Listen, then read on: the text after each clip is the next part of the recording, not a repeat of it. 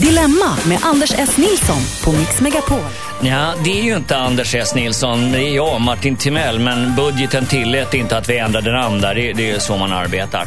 Oh, ja, okej. Välkomna till en presentation av Dilemma. Olika problem som är era problem som vi ska ta hand om. Och jag klarar ju inte det här riktigt själv, självklart. Så jag har tre stycken eminenta medlemmar i panelen. Och vi börjar med kvinnan i församlingen, Josefin Crawford. Åh, hallå, hallå. Med en, en sån enastående erfarenhet. Tackar. Vad är du allra bäst på? Eh, jag allra bäst på är jag nog att ehm, eh, snacka. Det är jag bra på.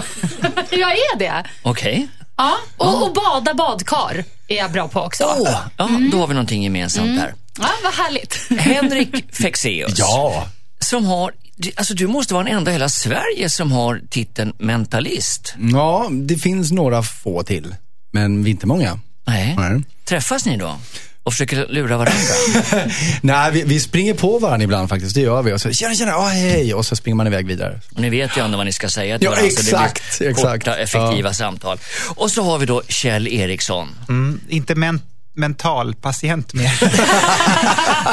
det är jag, eh, ungefär. Jag, är, jag passar ganska bra i dilemma för att hela jag är ett dilemma, hela jag är ett problem. Eh, Mycket runt omkring mig blir problem. Men jag är också ganska bra på att lösa andras problem, men inte mina egna. Är du en problemlösare? Jag åt andra, men inte mig själv. Okej, och du har lyssnat på det här programmet tidigare. Ja, det har jag gjort. Ja. Vad tycker du om problemlösningarna som Josefin och Henrik har åstadkommit? Jag känner Josefin ganska väl sådär så att jag, jag Vi släpper det ämnet med andra Ja, ord. men grejen är så här, vi, vi har ju, jag och Josefin har ju suttit liksom, vet, eh, eh, grannar på skrivbord när man jobbar. Och eh, Christ, eller, Josefin hade mycket problem. Kristin, Kristin förlåt. Jag fel här. Ja, nära, nära, men det var Josefin. Ja, Eh, och jag upptäckte en sak, för du sa nämligen så här, oj Kjell, och du fick den här, liksom, den här röst, problemrösten. Kjell, hjälp mig, jag ska blogga här och JPEG-bilden, eh, jag har fel format, hjälp Okej, nu, mig. Och heter då det- nu heter det programmet Dilemma och det börjar redan spåra ur känner jag. Nej, men då Han är också bra på att snacka, som du märker. Jag, jag märker jag, det. jag hjälpte Josefin, men sen så inser jag i ditt CV att du har ju jobbat som så här designer och AD och sånt, så du kan ju de där programmen. Ja, fast så det var på ditt- 1800-talet. Jo, men ditt sätt att lösa problem är att säga jag klarar inte, så någon Kjell. annan gör det åt dig. Ja, det var det jag ville. Jaha. Jag är vikarie här för Anders S. Nilsson och jag märker redan nu att det kommer bli extremt hårda tag emot dig. För gud vad du är duktig på att prata. Ja, jag vill bara fråga, vilka av er är föräldrar? Ja, Jag, Två Jag av fick tre? tänka efter här. Men... Ja. Okej, vi ska nämligen diskutera Emmas dilemma. Eh, Emma, hon heter inte det på riktigt. Det handlar om en klassförälder som lägger upp bilder på Emmas barn mot Emmas vilja. Det är ni.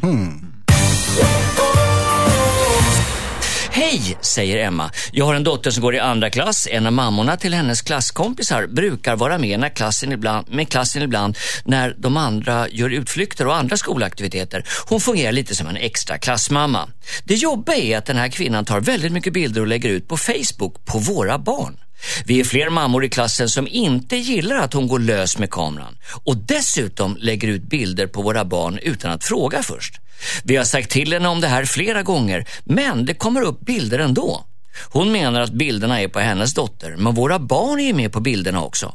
Till slut så sa hennes lärarinna ifrån och hon får inte följa med på några klassutflykter längre eftersom hon inte kan hålla sig från att spruta ut bilder på barnen.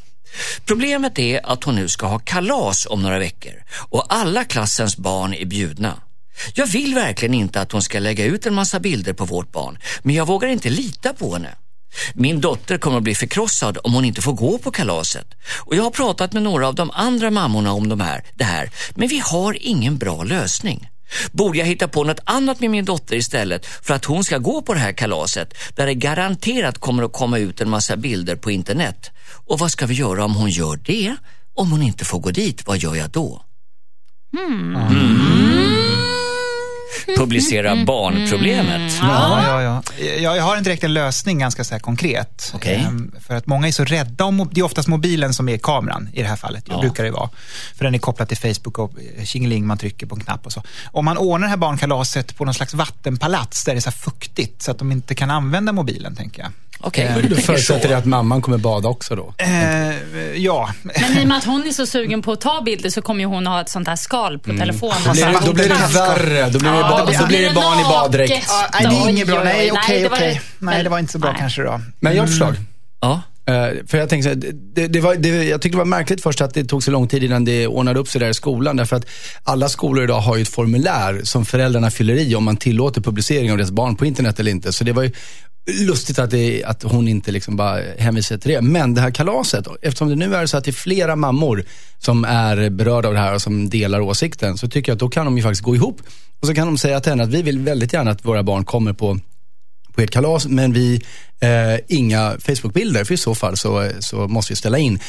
För då får hon liksom en, en grupp med sig och då kanske det är enklare, för då blir det inte bara hennes dotter som inte kommer, utan om de till och med är majoritet så måste de kunna prata med den här mamman, tycker jag om det. Är det någon av er som har varit med om det här? Nej, för alltså, jag, kan ju tycka, jag är väldigt dubbel i den här frågan. För att å ena sidan så kan jag tycka så här, man ska ju respektera, om en förälder säger till, säger men jag vill inte att mitt barn ska vara med på bild, då ska man ju respektera det. Å andra sidan kan jag tycka att ja, men nu är det faktiskt snart 2016. Vi lever i den här tiden med Facebook Selfie, och selfie. Instagram och selfie, selfie, selfie.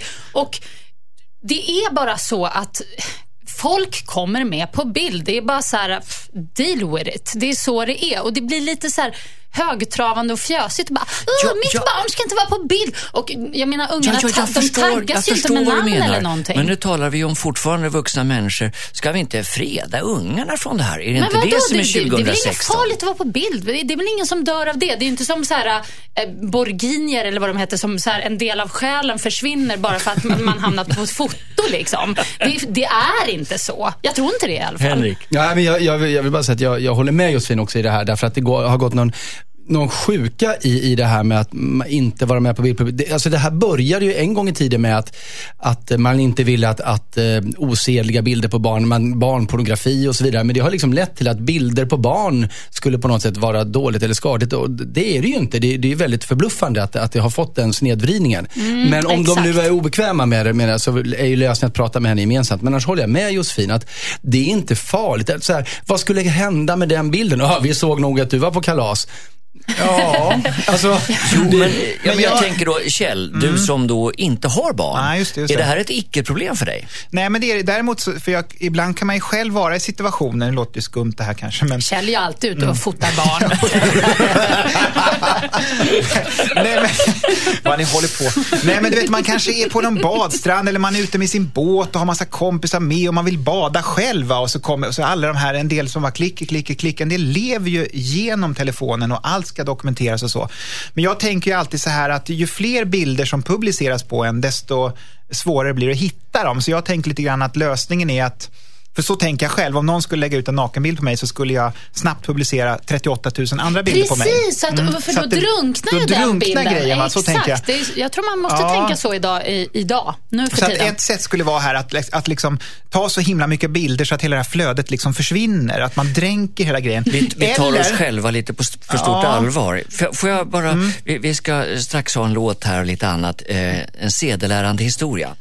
Robert Wells sitter med sina barn på väg till Kanarieöarna i en sån här femstolsenhet i charterplanet ni vet och somnar till och eh, vaknar av att en kvinna fotograferar en blixt rätt in i ansiktet. Fly förbannad reser han på sig och säger du fotar fan inte mig och mina barn utan att fråga först. Då tittar kvinnan på honom och säger ursäkta mig, jag fotograferade min dotter som sitter bredvid mig. Vem är du? Det är rätt bra. Ja, men det är, du ser, det är så det är. Hörrni, vi är strax tillbaka och då ska vi diskutera mera. Hur gör man och varför? Skicka in ditt dilemma till dilemma@mixmegapol.se. Vi har här diskuterat om Emmas dilemma. Hon vet inte om hon borde låta sitt barn gå på ett kalas eftersom mamman som håller i kalaset brukar vara en ja, vikarierande klassmamma kan man säga och där fotar ungarna och de hamnar hela tiden de här bilderna ute på internet. Det är Instagram, det är Facebook och alltihopa. Vad ska hon göra? Vi börjar med Kjell Eriksson. Mm, jag tänkte man kan skicka eh, barnet till det här barnkalaset med burka. Bra idé. Ja, då är det ingen fara så att säga om ja, barnet kommer in på bild. Syns inte. Okej. Helt osynlig ja, då. Ja. Det är- Josefin nej. Crawford. Det är ju en lösning, eh, absolut. Det, det är det ju. Det tycker du? På något vis. Även om, jag menar. Ungen kommer ju sticka ut på bilden men ingen vet vem det är så att säga. Så det kan ju bli en spänning i det för alla. Ja, hur som helst. Nej, jag, jag tycker nog att, jag är mer inne på att eh, ungen ska eh, klä ut sig till gurka. Nej, jag, nej, alltså jag är inne på att den här mamman faktiskt ska släppa på garden lite och eh, inse att eh, nu är det nu är det nu och det tas väldigt mycket kort till höger och vänster hela tiden och det är ingen fara helt enkelt om hennes unge är med på bild. Det är inget hon behöver hetsa upp sig över. Och åldersgräns på barn, det bryr vi oss inte om. Åldersgräns? Ja, alltså kan man fota tvååringar, treåringar? Utan... du kan väl fota nyfödd? Det spelar väl ingen roll? Okej. Va? Nej, det är inte jag. Vadå? Vadå? Alla har väl sett en bebis? Det går väl så här, ultraljud finns väl också? Sådana Ja. funktioner och appar och grejer. Som, Och, ja. det, och det är ju foton. Ja, Det- ja. men, men eh, nu släpper vi gick lite fet där. Henrik Fexeus, Ja, vad säger jag, du? jag, jag har en minut nu försökt komma på någonting som rimmar på burka och gurka, men jag har inte kommit på någonting. Så, att, så jag får istället säga att jag tycker... Oh, tack för det. Hon dansar in på kalaset.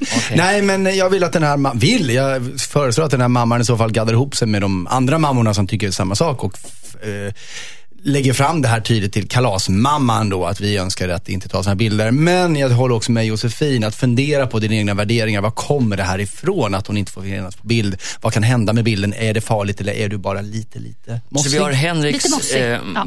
ja, praktiska lösning, Josefins lätt liberala och ja, Kjells, eh, din lätt galna. ja, lätt galna Bra. lösning på det. Bra. Det är bara att välja själv om man lyssnar.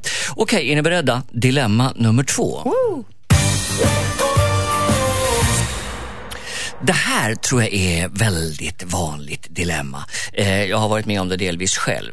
Det är Filip som har skrivit in och eh, det är inte Filips riktiga namn. Det känns lite grann som jag gjorde Bullen. Det är inte. Ja, ja. Okej, han skriver i alla fall så här. Hej, min flickvän tycker att vi ska köpa en väldigt dyr present till hennes föräldrar på deras bröllopsdag.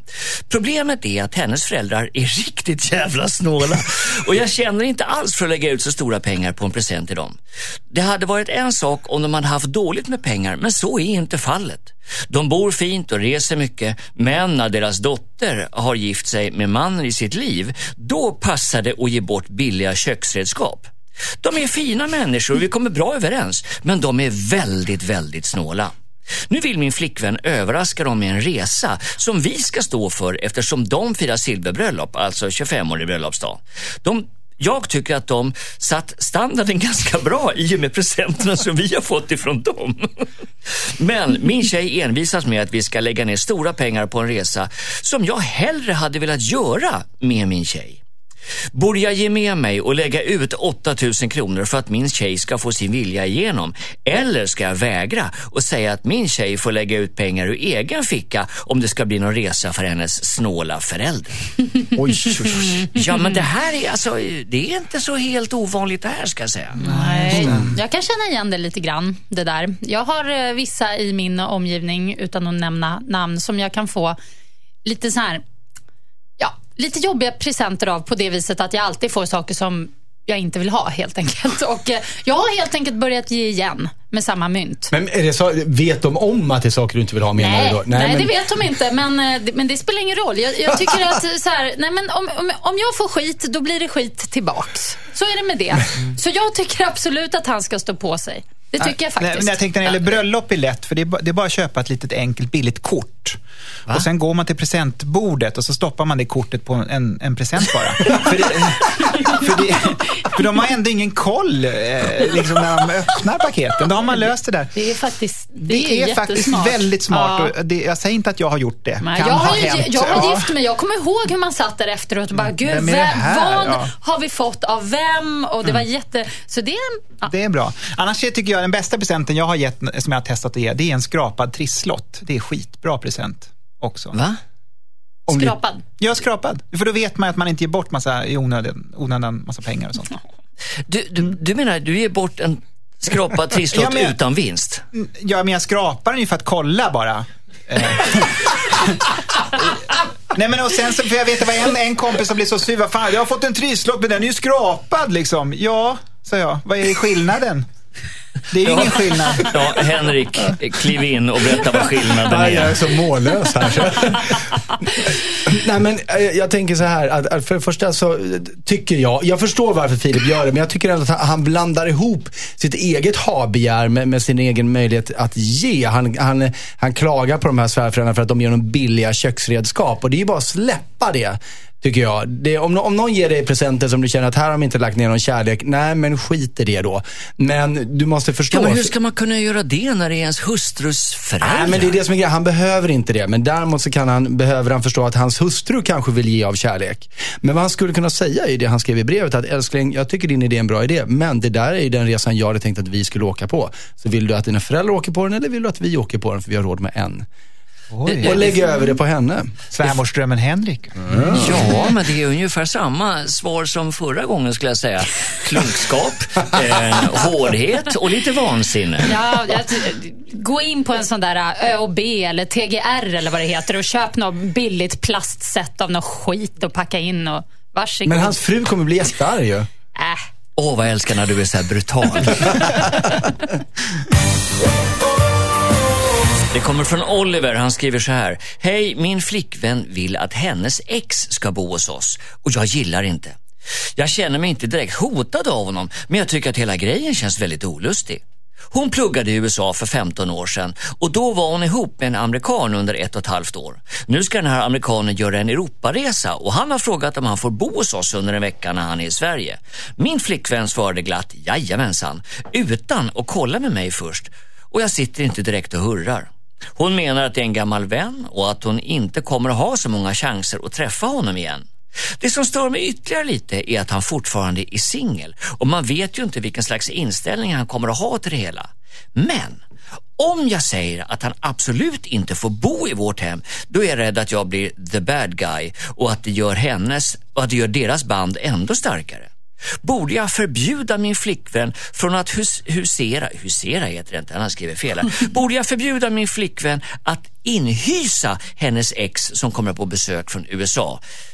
Kjell? Ja, ett litet förbud är aldrig fel tycker jag. På, men, eh, men jag tycker annars, du är ju bra på att bygga. Jag tänker det kan man inte bygga en X-säker soffa eh, med någon slags ritning som gör att man kan liksom på något sätt stoppa in det där Xet och sen klappa igen.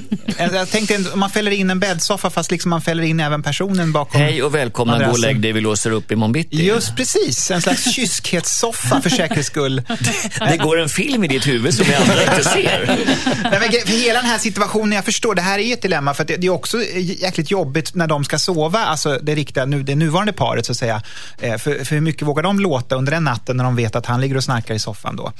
Ehm, Så jag skulle nog vara lite för ett förbud, men jag kanske, i det här läget så skulle jag nog tänka att man kan göra det diplomatiskt. Alltså att man kan eh, se till att boka en resa. Oj, hoppsan, var det samma helg som han kom? Oj, det var ju typiskt, det gjorde jag fel i planeringen. Eller ska man sträcka sig så långt som man bjussar karln på ett hotellrum? Precis, kanske så att man gör en sån lösning lite snabbt och bjussar till och, och bjuder till. Men det, det, egentligen är det inte lika bra för att då kanske den här eh, flickvännen drar iväg till hotellrummet och låser in sig. Det är ju säkrare att ha honom på soffan egentligen. Det är sån här Det är det faktiskt. Det är stora säkrare. konspirationsteorier. Henrik då, vad säger du? Ja, eh, alltså jag tycker att det är stora problem. Jag, jag, jag är lite förbluffad över att den här tjejen sa ja utan att fråga Oliver här. Hette han, va? det, det, det var ju Ja. lite dåligt gjort. Men det känns som att det största problemet här är Olivers egen självbild. Alltså han måste ju förstå någonstans att hon har ju valt honom och, och eh, han har säkert ex som han är kompis med, med också. Jag tror att han drar lite för stora växlar på det här. Med det sagt, är det olustigt för honom så är det olustigt för honom och då får väl han säga det till sitt ex. Ja, han kanske har väldigt dåligt självförtroende. Ja, men då får han säga det att jag, jag är inte bekväm med det här. Det känns inte bra. Det där är en del av ditt liv som jag inte vet någonting om. Det sker i ett annat land och det här känns, det kommer bli tryckt stämning. Och om det är han som är, är, kommer vara skälet till det, ja då får han stå för det. Nu har vi fått två manliga perspektiv. Josefin, fräls oss. Jag ska frälsa er med att säga att det här är hjärnspöken och att han ska skärpa ihop sig helt enkelt. Det är klart att den här killen ska få komma och bo på soffan, inga konstigheter. Eh, jag tror att det kan, ja, jag kan förstå att det är lite nervöst för den här killen, men det var länge sen och de är vänner och de får en chans att träffas. Och han, det är ju inte så här, ja, du, att de går och smyger iväg och träffas själva, utan killen kommer ju vara med. Det kanske till och med, de kanske finner varann lite grann. Han kanske får en ny vän i den här snubben. Jag tycker det är dumt att hålla på och sätta upp såna här regler mot varann. För att det, Har någon av er jättebra relation med någons respektive ex? jag har faktiskt jättebra relation med mitt Det ex. ante mig. Med ditt ex, ja, ja, med ditt men, ex. men det var inte det som var frågan. Ja, du menar med, med... Ja, ja, gud. Ja, ja. Superbra till och med. Okej. Ja. Ja. Superbra. Här sitter Fast Kjell nu är jag och ju, Henrik och alltså, nu är jag ju, nu är jag ju singel alltså. Men, men, jag nej men alltså, ja men ni förstår. Alltså killen som jag var ihop med, inte han, utan han som jag var gift med förut och hans exfru. Alltså vi, vi är jättebra kompisar. Det är en ja, men alltså, familj. Gud, ja, Det här är en julafton man skulle vilja se. nej, men alltså, jag tycker det är så barnsligt bara. Jag tycker, jag tycker Men det- släpp loss, bara kör trekant. Bara, man lever bara en gång. Du- Åh, och där hällde jag ut kaffe. Där hällde Kjell ut kaffet i upprördhet. Oj, oj, oj, oj. Vem- Men ska, vi svara, ner? men ska vi svara Vadå, Oliver då? Borde han förbjuda sin flickvän att låta den här amerikanen komma in? Absolut inte. Jag tycker, Absolut jo, inte. jag tycker, kör ett förbud. Jag tycker Ett förbud? Nej, Okej. jag, jag tycker inte ett förbud, men, men förklara dina känslor. Ja, och då kan hon lugna honom och så får han komma.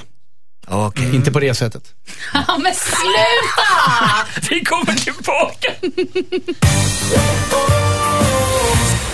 Det här ska bli intressant att höra därför att nu är det manlig fåfänga här. Det kommer från Veronica. Hon skriver så här. Hej, jag misstänker att killen jag träffar använder tupé. Men jag vet inte om jag kan fråga honom. Oj. Vi har träffats i snart ett halvår och det stör mig något enormt att jag inte vet om hans hår är riktigt eller inte. Hans hår är mycket tjockare mitt uppe på huvudet och jag tycker att jag ser färgskiftningar mellan huvudet och sidorna. Men det kan ju vara naturligt. Han har dessutom kommit ut ur duschen med blött hår och jag vet inte hur bra det sitter. När jag har frågat försiktigt om han har gjort något med håret så svarar han typ att nej, han har kammat det eller något sånt där. Eh, han har aldrig nämnt att han har något problem med håravfall eller så. Men han är en sån kille som har komplex över ytliga saker och jag är rädd att han kommer att bli förbannad om jag anklagar honom för att ha fuskhår eller konstgjort hår. Men jag kan ju inte gå vidare i vårt förhållande utan att veta. Borde jag fråga killen när jag träffar honom om han har tupé? Kjell. Åk till Bauhaus och köp en lövblås. och sen så, så provar du. Eh, då får man ju svaret, eh, tycker jag. ja. Nej, men är det inte limmat?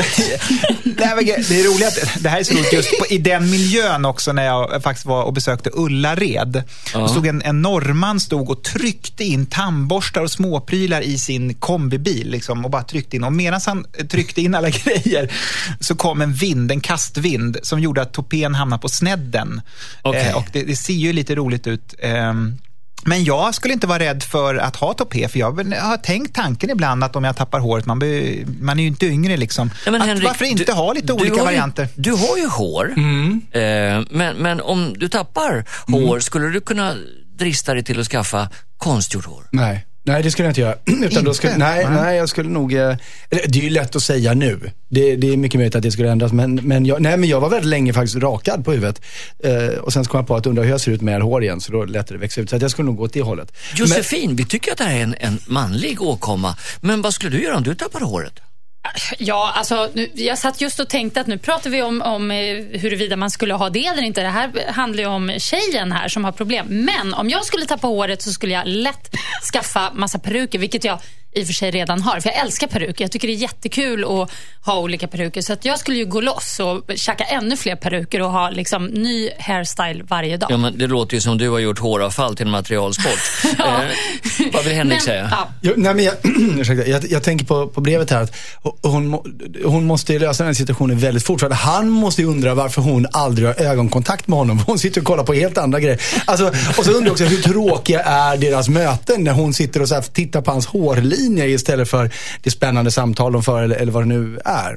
Och Ja, egentligen ligger mm. problemet hos henne, för vad, vad gör det egentligen om, om han har det? Varför nej, vill hon veta jo, det? Jo, det är jätteviktigt. Jo, Varför? Jo, jo, för att man vill veta vad man får. Jag, Vad man eh, får? Ja. Du menar, men jag- kille- åh nej, jag har fått nej, en men med alltså. Nej, men jag, jag träffade en kille som, och det var väldigt skönt. Vi var väl på vår andra eller tredje dejt och, och då så gick han loss och Bara drog alla sina så här, uh, utseendebrister. Han bara, kolla jag börjar bli lite tunnhårig här uppe och min framtand den är fake. Och så ser du här, jag är lite tjock här på sidan på och bara så här, och Jag bara, gud vad håller han på med?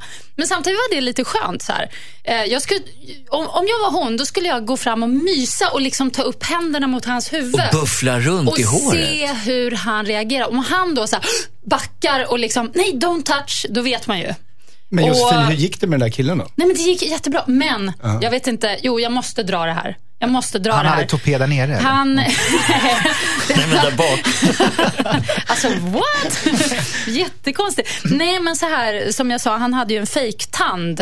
Eh, han eh, hade varit i slagsmål i tonåren och ja, ena framtanden var utslagen och där hade han en sån här iskruvad.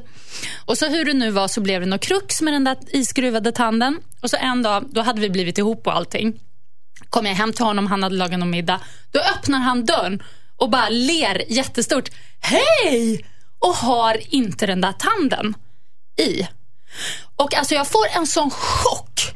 Så jag börjar storgråta. Alltså jag får en sån chock. Jag bara stirrar och sen börjar jag böla och bara Nej, du ser inte klok ut. Och, ah. Jag vet inte. Jag, alltså det här, Tog det slut då? Nej, nej men alltså, och han bara så här, men hallå jag ska ju få en ny tand. Det har bara blivit strul med den här. Jag, jag vill ju bara liksom, så här ser det ut. Jag, jag bara, men jag vill inte se det. Jag tyckte det var hemskt. Han såg ut som en luffare.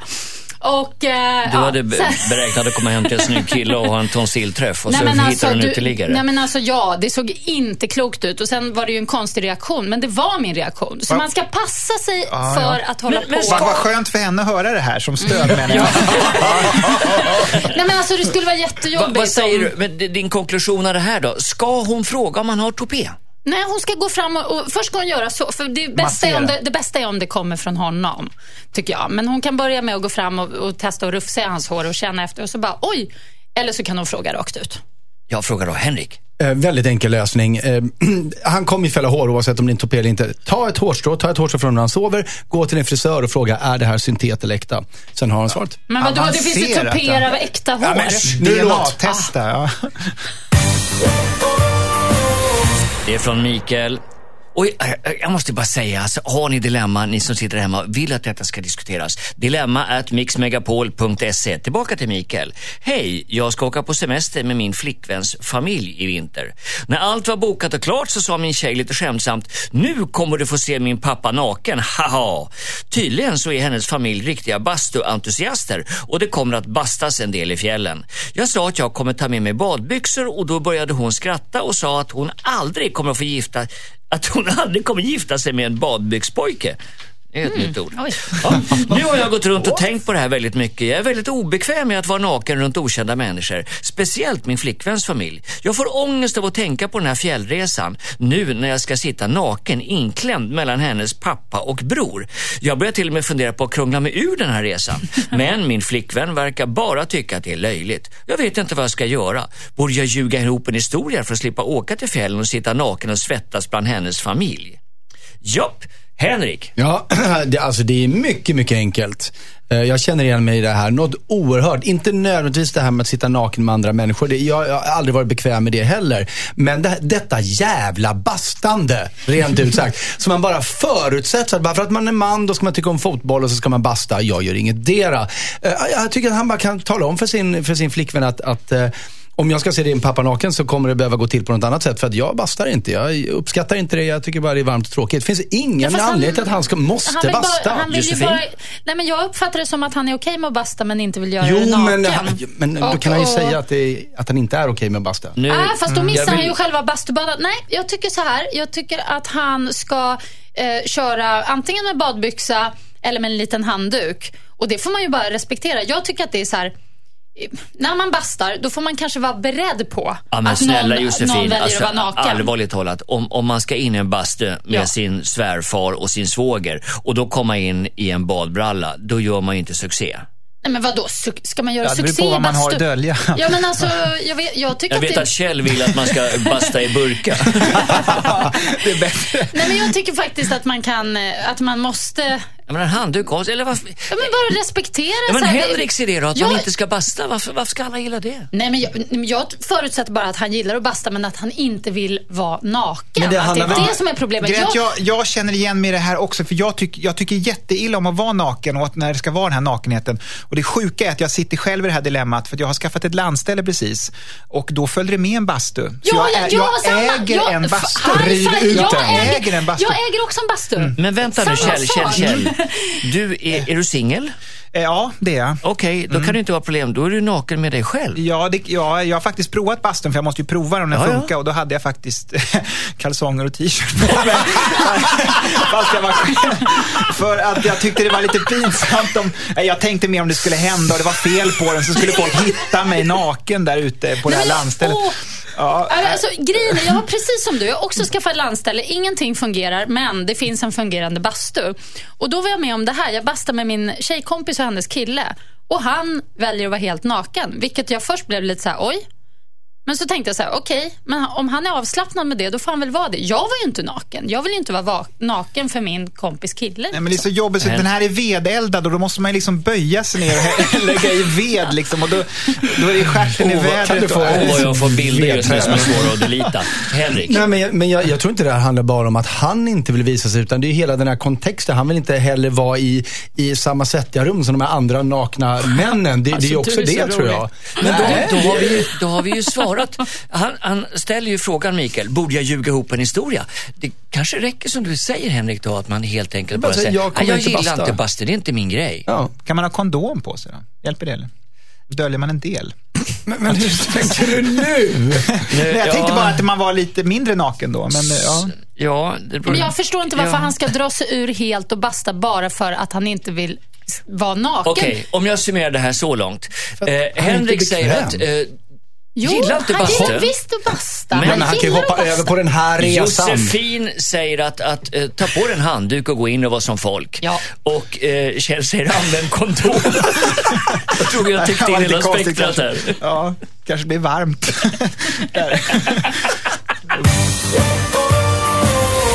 Det kommer från Klara som har en kompis som, ja hon är väl lite ledsen i ögat. Hon skriver så här. Hej, jag har en kompis som är väldigt deppig just nu. Hon vill ofta komma förbi hemma hos mig och prata ut. Problemet är att hon har jobbat kvällsskift och kommer ofta förbi klockan 12 på natten. Jag föreslår ofta att vi kan ta det imorgon istället. Men hon spelar alltid ut kortet, du måste ställa upp nu. Det här har pågått några veckor nu och det handlar om två, tre kvällar i veckan. Jag vet inte vad jag ska göra. Å ena sidan så vill jag ställa upp för min kompis som går genom en rätt tuff separation just nu. Men å andra sidan så känner jag att det går väldigt mycket ut över mitt eget liv. Jag är trött på all min lediga tid ska gå till att trösta min kompis. Borde jag hålla ut eller kan jag förklara för henne att hon måste respektera mitt liv också trots att hon mår väldigt dåligt just nu? Alltså, ska man tala klartext eller ska hon stå ut? Vad säger ni? Josefin, vill du börja? Ja, eh, det här är ju ett eh, litet dilemma som man kanske har varit med om någon gång ibland. Och Jag tror att man... Eh, jag tycker man kan stå ut till en viss gräns. Sen Vilken man, gräns då? Ja, det är när det börjar bli, när det liksom går på repeat och man känner att om, om man då har en ledsen i ögat kompis som hela tiden ringer och pratar timme ut och timme in eller till och med kommer förbi, för så var det här i brevet va? Ja, just det. Ja. Och sent. Eh, och sent. Då, och då får man ju till slut kanske vara så här, men du, vet du, jag är, jag är jättetrött, jag ska upp imorgon och jobba. Du får gärna komma in, du kan sova här om du vill på soffan. Men jag kan inte prata mer Men, ikväll. men, men du säger att det är, när det börjar gå på repetition så ska man säga ifrån. Ja. Och då vill jag ju faktiskt säga av erfarenhet att eh, per automatik så går ju såna här saker på repetition. Ja, men det är det jag menar. Ofta gör det det. Det blir ett ältande. Och jag förstår att eh, folk behöver älta, men eh, inte om, man, om det går ut över ens Men egen tid. Henrik, är inte ältandet en viktig process i ett Nej, sorgearbete? det är det faktiskt inte. Det är så Därför att- skönt att älta ju. Ja, det är det, men det är livsfarligt att älta. Därför att vad, vad du gör då är att du tränar hjärnan att gå den tanken om och om igen och varje gång du ältar det så blir det svårare att ta sig därifrån.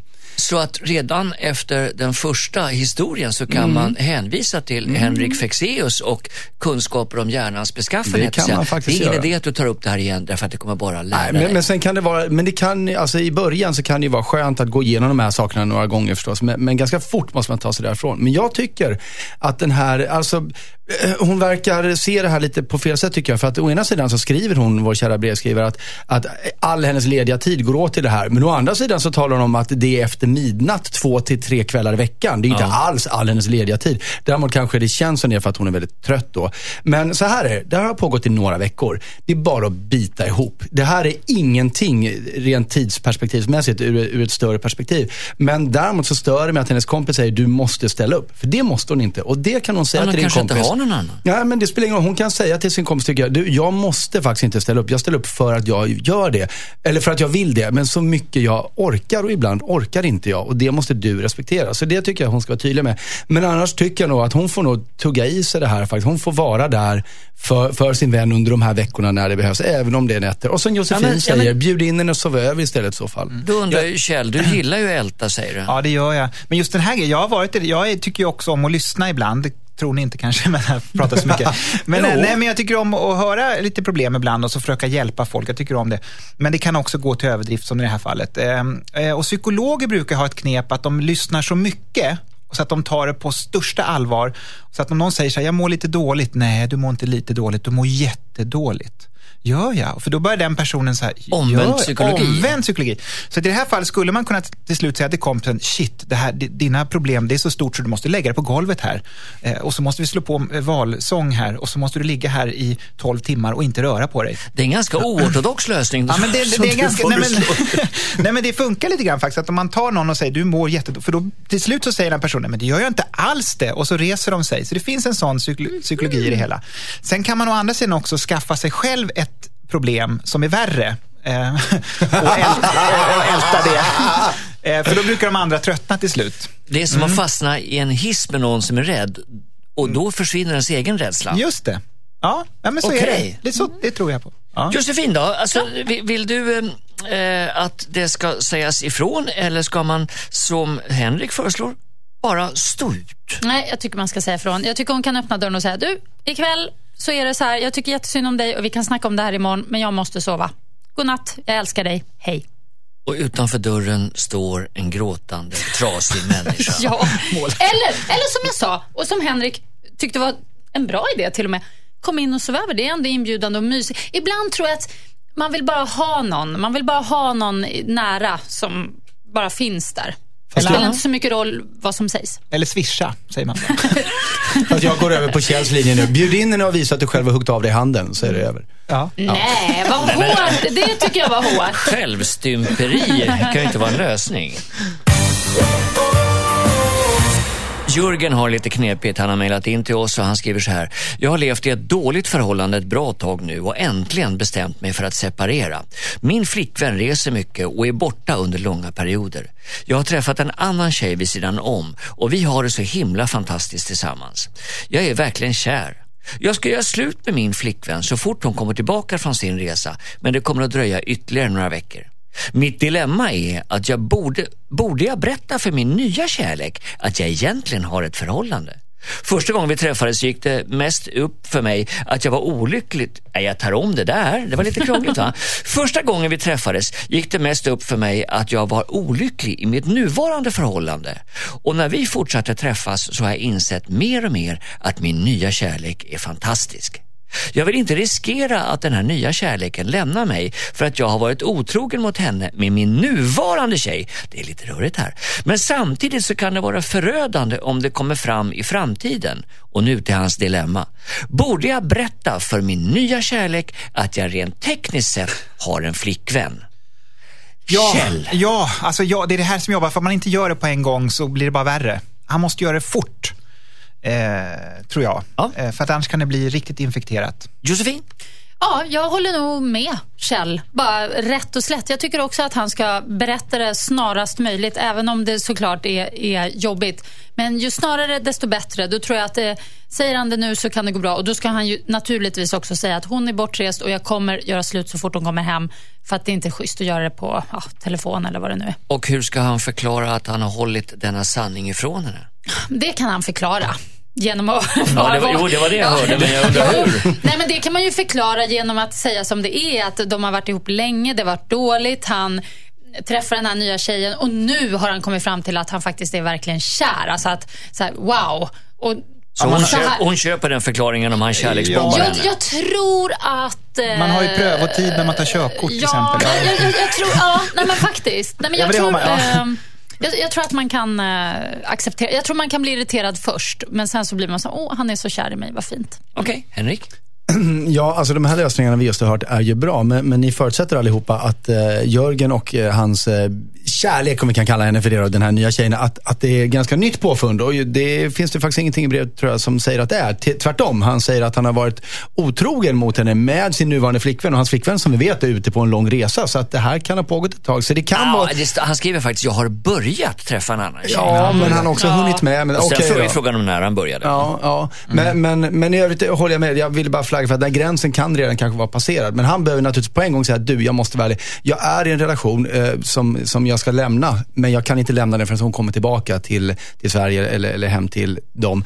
Eh, risken dock han måste vara beredd på, det är att den här tjejen drar öronen åt sig lite och tänker att, aha, är, är det vi har bara en projicering för att du ska kunna ta... Nej, det kommer hon inte. Nej, det kommer hon inte. Oj, oj, oj, oj, oj. Nej, nej, nej. nej. Det kan ju vara så att hon håller på med någonting i USA där också. På andra sidan. Eller Så vad det hon kan nu är. ja. Nej, men, nej men på fullaste allvar. Det här, det här vet Nej, jag men människor alltså, som är, har man, lämnat. är man kär och det, Skitsnack, det här vet jag relationer som har kraschat för, för att säga, okej men du, vet du vad? Då tar du dig ur din relation först och så väntar du två, tre månader så att du vet att du mår bra, att du är trygg i dig. Sen kan vi börja Jo, jo, ses men igen. det är det väl Vilket värt. också är den ja, men sunda. det är det väl värt? Ja, men det, Ja, Då, och då, då, det, den smällen men får han ju du, ta i så jo, men fall. du sa ju alldeles nyss att nej, det kommer hon Nej, men vad jag menar är att känslorna för honom kommer finnas kvar. Sen hur Ja, hon väljer ja, ja. att göra, om hon Men direkt... varför, varför finns det inget Alltså- regelverk här? Någon Vi uppsägningstid gör ju det, vi och håller ju på att och- ställa upp det just nu. Man kan ladda ner pdfen från mixmegapol.se. Ja, men det, det hänger ju lite på Kjell i vilken kommun man bor. Ja, men jag, det, det är kanske för att jag är singel och istället har bredbandsabonnemang och där är ju glasklart. Liksom. Det är ju tre månaders uppsägning oftast. Och det är liksom, man, man har, kan du köra... någonsin, har du någonsin varit ihop med någon? Nej, inte riktigt sådär på riktigt. Åh, älskade eh, Kjell. Jag vill chans. gifta mig med dig. Ja, det jag bara väntar. Ja, men ni är ju singlar båda två. Ja. Har du rätt att viga, Henrik? Eh, ge mig en kvart så ska jag hitta dem. Hörrni, eh, Kjell säger stå på, berätta, rakt av. Ja. Josefin också. ja, jag håller med. Och Henrik Ja, också. ja. Ja. Och vad skönt på morgonkulan, lite enighet. Dilemmat som kommer från Dennis låter så här. Hej! Jag ska börja med att tacka för ett trevligt program. Eh, jag har träffat min tjej i sju månader och vi har det otroligt bra. Men när hon skrattar så tar hon i så mycket att hon inte får någon luft. Hon snarkar in luften och låter som en gris. Jag, jag, så här, ja, jag klarar inte av det här och nu irriterar jag mig mer än någonsin. Jag skäms över henne och vill inte ta med henne för att träffa mina föräldrar och mina vänner eftersom de kommer att reagera så starkt när de hör att hon börjar, när hon börjar skratta. Jag vet inte vad jag ska göra. Borde jag ta upp det här med henne och försöka få henne att ändra sitt skratt? Åh gud, jag måste få, ja, jag du måste måste få börja. börja.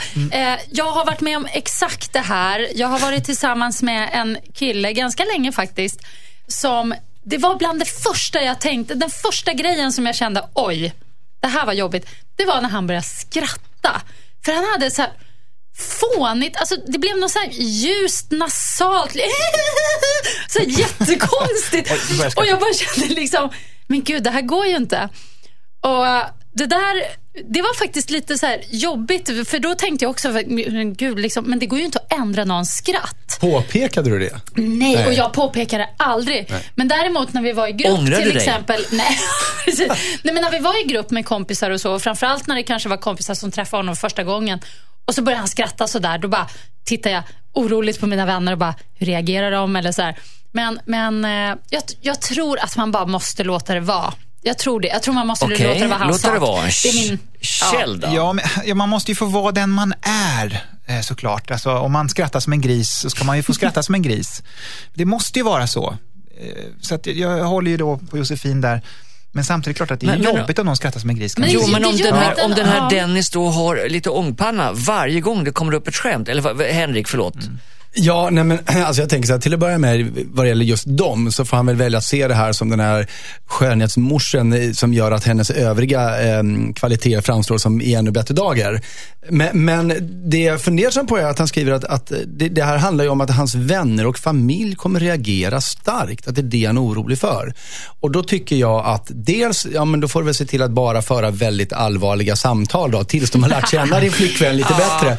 Men, men också faktiskt lita på att hon är en fantastisk och charmerande person och stå vid hennes sida i det. Men- det men- dumt På, på, på vilket sätt ska de reagera men jag starkt? undrar- Jag förstår inte det. Man ska, inte, man ska för- inte behöva ta ansvar för andras liksom, grejer så, tycker jag. Det är det man måste passa sig för. har någon av er, nå- eller vilka åkommor, defekter har ni som era eventuella partners har skämts för? Oj, vill du ha, hur lång lista vill du ha? Vad mycket grejer som man kan, ja, man är lite tokig Ja, ta någon bara. Eh, Ja, man pruttar högt och så. Men eh, nej, nej, nej, det var, det var en freudiansk, jag- det är klart jag inte pruttar. Jag har aldrig pruttat. nej, det har aldrig hänt. Eh, nej, men det här med, jag bara tänkte ifall... stämmer inte. Nej, men alltså, problemet är ju att om man har någon sån här grej så kanske man inte ens vet om det för att man aldrig har fått reda på det. Och med all rätt. Jag skulle bli skitförbannad om min partner sa du, jag tycker du skrattar jobbigt så att, eh, gör helst inte det. Då skulle jag bara, ja men Det går hej då. kan man inte liksom. uttrycka sig lite mer modest och Kan man- säga ditt skratt är verkligen annorlunda? Jo, fast då får det vara det. Det är precis Ja, som Henrik säger. det? Det är en skönhetsmors då. Man får vända det till någonting att nej men det är okej. Och man kan inte hålla Bara för att man själv också stör sig på en sak så behöver det inte alls betyda att andra Men gör det. ibland tror jag att folk stör sig på saker för att de är lite rädda, fast egentligen är det tvärtom. Så jag tror att den egentligen kanske går igång på det här skrattet. Så svaret Ja. till Dennis är, din tjej måste ha en väldigt massa bra saker, så skit i hur skrattet är, lev med det. Yes. Ja. Åh, enighet igen. Och det här var allt för Dilemma idag, eller från Dilemma. Jag vill tacka panelen. Klokskap, galenskap och eh, massa värme och skratt. Tack så hemskt mycket. Ja, tack, Martin. Martin. Kjell. Eriksson. Mina Tackar. damer och herrar, vi presenterar Josefin Crafoord. Tack Martin. Henrik Fexeus. Tack Martin. Kan ni ge mig ett löfte? Kommer ni tillbaka imorgon? Ja, Ja, det gör vi. Okej, vad bra. Då kommer vi ses då och framförallt höras. Och är det så att ni har missat eller något och vill höra programmet igen, gå in på mixmegapol.se och så klickar ni på dilemma. Och har ni problem, har ni dilemman, mejla in dem till oss. Dilemma at mixmegapol.se. Och imorgon så är vi tillbaka med nya heta dilemman folk har mejlat in. Och det här ska bli intressant att höra vad panelen tycker om. Eh, Petter, han vet inte om man borde avslöja för sina grannar att de som är nyinflyttade på väg till en annan granne är kanske på väg att få en liten porrig överraskning. Klockan åtta är vi tillbaka. Nu tar du över här Josefin. Då har, då har vi haft två timmar från sex. Eh, dags för Mix Megapol-krysset. Vi hörs imorgon. Välkomna. hörs imorgon. Tack för idag. hej då. Ett poddtips från Podplay. I fallen jag aldrig glömmer djupdyker Hasse Aro i arbetet bakom några av Sveriges mest uppseendeväckande brottsutredningar. Går vi in med hemlig telefonavlyssning och, och då upplever vi att vi får en total förändring av hans beteende. Vad är det som händer nu? Vem är det som läcker? Och så säger han att jag är kriminell, jag har varit kriminell i hela mitt liv men att mörda ett barn, där går min gräns. Nya säsongen av Fallen jag aldrig glömmer på Podplay.